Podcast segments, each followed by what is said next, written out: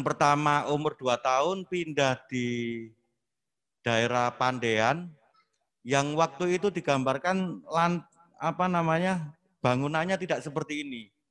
Ini bangunan era tahun 60-an, Pak. Tahun 60-an, tahun 70-an gitu. Waktu itu bangunannya gedek dan ada eh, halaman samping belakang sampai tembus di lawang seketeng. Makanya sering sering ada eh, kebingungan apakah lahir di Pandean atau lawang seketeng gitu. Ya antara Pandean sama lawang seketeng. Karena posisinya waktu itu rumah rumahnya eh, ada ada kebun-kebunnya. Bung Karno menggambarkan jendelanya itu malah menghadap ke matahari terbit. Makanya kemudian di catatannya kan menyebutkan dia lahir putra sang fajar. Nah, yang menarik waktu itu eh, saat 6 Juni 1901 digambarkan Bung Karno lahir pukul setengah enam pagi dibantu oleh uh, lelaki tua. Dia bukan dukun bayi perempuan gitu. Bapaknya tidak ada. Bapaknya tidak digambarkan sama Bung Karno.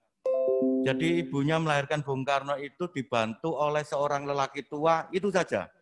Pada enam pagi. Makanya Bung Karno sempat cemburu sama kisah kelahirannya Hercules. Di bukunya disebutkan Hercules itu ketika lahir, di sekitarnya ada 16 perempuan telanjang. Waduh, saya ini lahir jangankan perempuan, laki-laki tua lagi. Itu yang membuat Bung Karno. Jadi banyak cerita-cerita yang unik di kelahirannya itu ya. 6 bulan, eh, apa namanya, tanggal 6, jam setengah 6 pagi, eh, bulan 6, dia menggambarkan macam-macam lah. Gunung Kelut meletus, padahal Gunung Kelut nggak meletus bulan Juni tiga empat bulan sebelumnya. Jadi menggambarkan di, disama-samakan, disama-samakan dengan eh, peristiwa-peristiwa uh, itu. Tapi perlu diingat, uh, bapaknya Bung Karno itu tinggal di Surabaya kontrak, kos, eh, kontrak. Jadi bukan rumahnya, bukan rumahnya, kontrak uh, kepada se seorang pemilik rumah di gang situ gangnya itu masih berupa tanah, bangunannya juga masih gedek gitu. Tapi sudah berupa gang-gang gitu. Nah, sampai kapan Bung Karno di Surabaya? Sampai umur 6 bulan. Karena 28 Desember 1901 bapaknya dimutasi lagi. Jadi Bung Karno itu nomaden. Bapak ibunya menikah di Bali, anak yang pertama lahir di Bali, anak yang kedua si itu lahir di Surabaya Bung Karno, umur 6 bulan dipindah lagi ke Ploso. Umur 6 bulan dipindah ke Ploso sampai umur 4 tahun. Tapi di umur 4 tahun, karena Bung Karno ini sakit-sakitan, diminta sama kakeknya untuk kembali pulang ke Tulungagung. Karena kakeknya kan tinggal di Tulungagung. Karno ini sakit-sakit. Karena dia kemiskinan, sanitasi buruk segala macam. Jadi banyak penyakit yang ditulis sama dia macam-macam. Di Telungagung dua tahun dia mengenal Sarina sebagai seorang pembantu yang kemudian menginspirasi sama dia.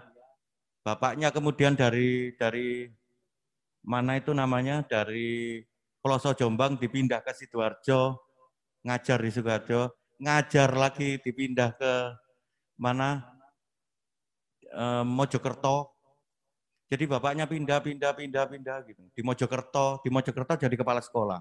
Nah, ketika di Mojokerto, Bung Karno ditarik lagi.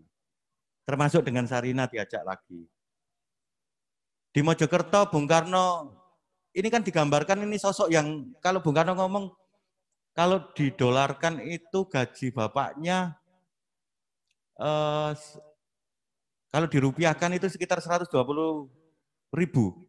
Satu bulan, 120 ribu.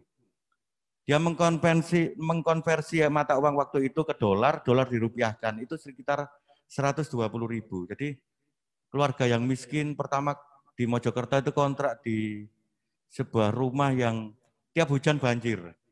Kemudian hanya tiga bulan, kemudian pindah ke rumah yang tidak banjir. Sampai sekarang rumahnya masih ada. Tempat ngajarnya bapaknya Bung Karno juga masih ada. Nah, masa lamanya Bung Karno itu tidak di Surabaya, di masa anak-anak ya. Eh, tetapi di Mojokerto itu juga kemudian membantah beberapa catatan yang menyebutkan Bung Karno ngaji di Langgar Duhur, eh, Lawang Seketeng segala macam. Itu tidak bisa dibuktikan karena masa kanak-kanaknya Bung Karno itu dihabiskan di di Mojokerto. Jadi di Mojokerto itu Bung Karno itu sekolah di sekolahnya bapaknya, bapaknya waktu itu jadi kepala sekolah. Jadi mulai kelas 1, 2, 3, 4, 5, SD waktu itu sampai umur lima tahun, eh sampai sampai lima tingkatan.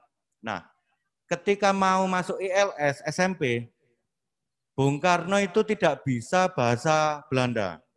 Karena SMP sekolah tingkatan SMP itu hanya untuk orang-orang Belanda dan orang-orang yang mengabdi kepada Belanda, keluarga yang mengabdi kepada Belanda. Apakah itu amtenar atau guru. Makanya Bung Karno kemudian dileskan sama bapaknya privat di rumahnya untuk bisa belajar bahasa Belanda. Ngelesinya itu satu tahun, Mbak. Makanya kemudian Bung Karno itu uh, usianya dimudahkan. Biar ketika masuk usianya masih sesuai. Umur 12 tahun.